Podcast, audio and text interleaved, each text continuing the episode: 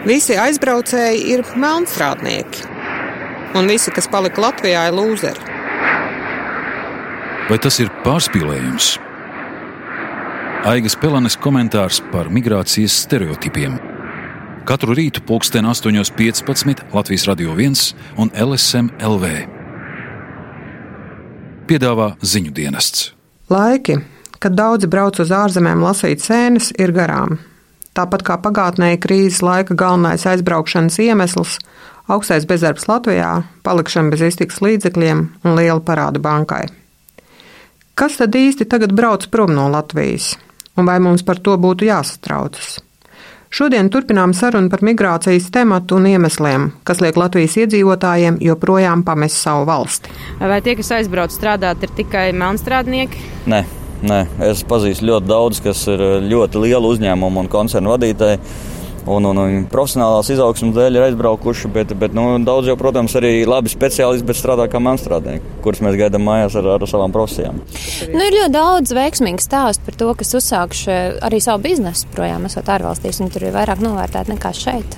Varbūt tie, kas tādi nezina valodu, tie ir varbūt melnstrādnieki, bet tie, kas zina valodu, man, piemēram, vīra meita strādā viesnīcā, vadošā amatā. Viņa aicina arī savus radus uz turieni, ja nav šeit lūdzā darba. Nē, es domāju, ka aizbrauc arī ļoti gudrs galvas. Mēs paši zinām, cik teiksim, ir pa karjeras kāpieniem pakāpušies gan biržās, gan, gan ārstu praksēs. Es domāju, ka aizbrauc arī ļoti gudri cilvēki. Tas ir skumji. Nē, nē, es pats zinu vairākus cilvēkus, kur aizbrauca tieši ļoti specifiskas izglītības dēļ, ar kurā Latvijā nevarēja dabūt darbu vai varēja dabūt viņi, kā viņi uzskatīja par nepietiekamu atalgojumu.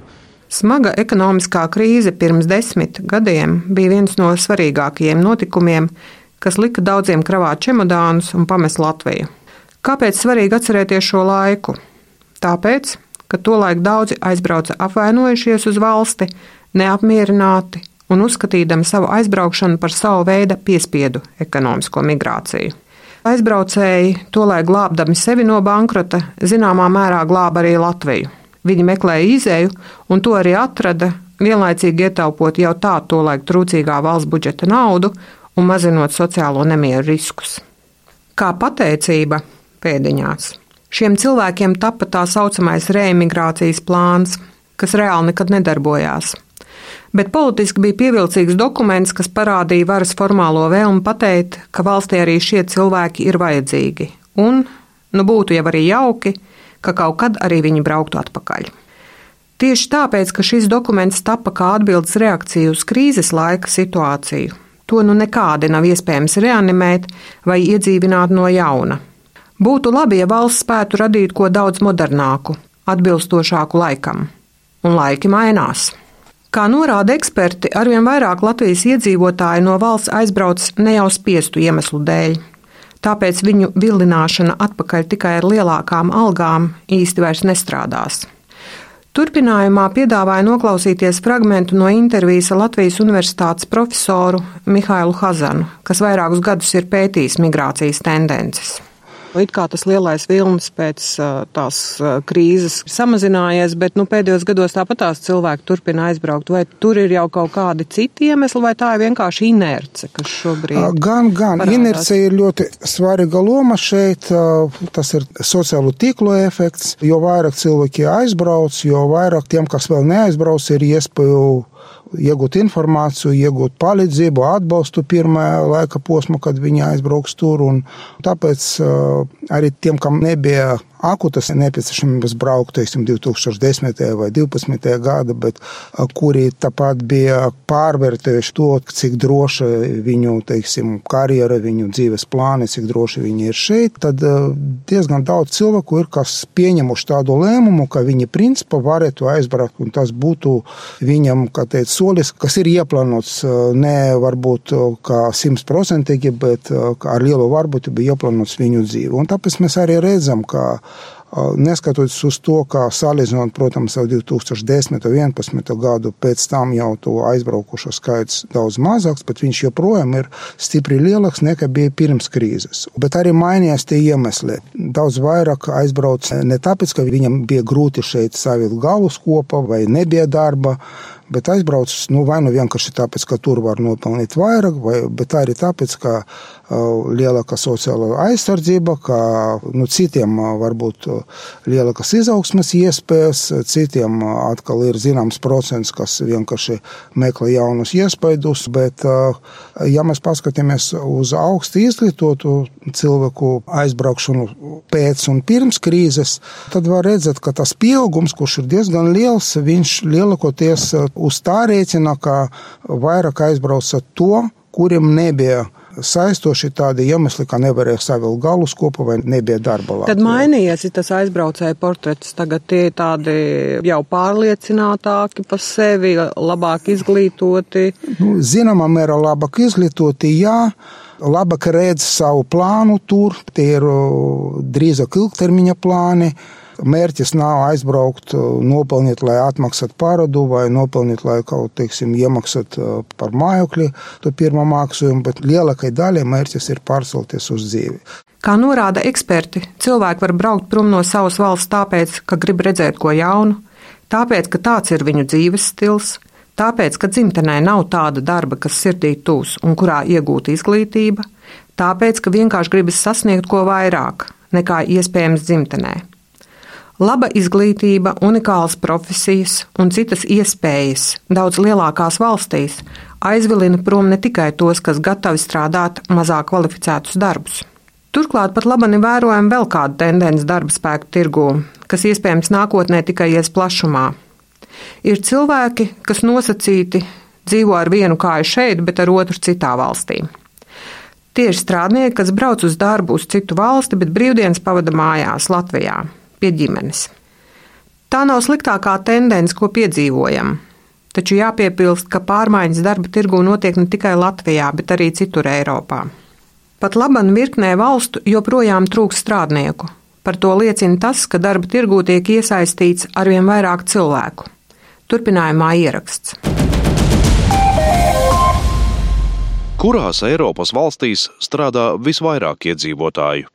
Turpina ziņu aģentūras Leta žurnāliste Inguna Ukanābele un Aiga Pelāne no Latvijas radio. Pēc pēdējās ekonomiskās krīzes Eiropas darba tirgus atgūsts, un pērn nodarbinātības līmenis vecuma grupā no 20 līdz 64 gadiem Eiropā jau sasniedz 71%. Tostarp vairākās valstīs - Zviedrijā, Vācijā, Lielbritānijā, Dānijā. Arī mūsu kaimiņu valstīs, Igaunijā un Lietuvā, nodarbinātības līmenis ir pārsniedzis 75%, kas ir ļoti augsts rādītājs. Netik laba situācija ir virknē Dienvidē Eiropas valstu. Grieķijā nodarbinātības līmenis darbspējīgajā vecuma grupā ir vien 56%, augstas nav arī Horvātijā, Itālijā un Spānijā. Kāpēc tur cilvēki negrib strādāt, vai tur ir vienkārši augsts bezdarba līmenis, nav darba vietu, kur strādāt? Nu, kā mēs atceramies, tad Grieķija bija pēdējās finanšu krīzes epicentrā. Īpaši labi neklājās arī Spānijā un Itālijā. Šīs valstis joprojām pilnībā nav atkopušās no krīzes. Kāpēc aug nodarbinātības līmenis? Lai gan tikko minēja, ka vairākas valstis nav atkopušās no nodarbinātības krīzes kopumā, Eiropā ekonomika attīstās, krīze ir pārvarēta un līdz ar to uzņēmumi vairāk ražo, uzņēmumiem vairāk vajag darbiniekus. Un, lai piesaistītu labus darbiniekus, uzņēmumi ir gatavi arī vairāk maksāt. Kurās valstīs ir visvairāk šo te vakanto brīvo darba vietu skaits? Visaugstākais vakanto darba vietu īpatsvars pašlaik ir Čehijā, Beļģijā, Vācijā, Nīderlandē, Austrijā un Lielbritānijā. No Baltijas valstīm lielākās eh, problēmas pašlaik ir redzams Igaunijā, kur vakanti ir 2,2% darba vietu. Latvijā un Lietuvā tas ir virs 1%. Tu pieminēji Čehiju, bet Čehija nebūtu nav tā populārākā un iekārojamākā valsts, uz kurien trauktos citu Eiropas valstu iedzīvotāji strādāt. Vai šī situācija, tad, tavuprāt, varētu arī pamainīties un, piemēram, Čehija varētu kļūt populārāka arī mūsu tautiešu darba vietu izvēles ziņā? Domāju, ka visu noteiks tas, cik eh, daudz Čehijas uzņēmumu būs gatavi maksāt darbiniekiem. Čehija tomēr joprojām pieder pie tās valstu grupas, kur atalgojums nav tas augstākais, un līdz ar to viņi nav pirmā izvēle ekonomisko migrantu sarakstā. Ekonomikas izaugsme Eiropas valstīs mums var radīt atkal jau jaunas problēmas. Pieprasījums pēc darba spēka turpinās pieaugt arī citviet, ne tikai Latvijā. Tāpēc nav izslēgts, ka aizbraucēju skaits arī turpmākajos gados būs visai augsts. Jau rīt es, Aiga Pelane, turpināšu sarunu par migrāciju, un saruna solās būt visai kutelīga. Vai tiešām mēs, te palikušie un neaizbraukušie, esam lūzeri jeb zaudētāji, kā nereti tiekam apsaukāti sociālajos medijos? Tiesa, šajā gadījumā nebūs saruna par netveramām lietām, bet gan par cipariem un nākotnes problēmām. Čipsi beidz grauzt pukišu. Pēc 15 gadiem īrijā viņš ir atpakaļ mājās. Un viņi cer, ka tagad būs citādi. Tēta projekts. Dokumentāls stāsts par atgriešanos. No 13. novembra 12.30 Latvijas Radio 1. Arī LSM LV un podkāstā piedāvā ziņu dienests.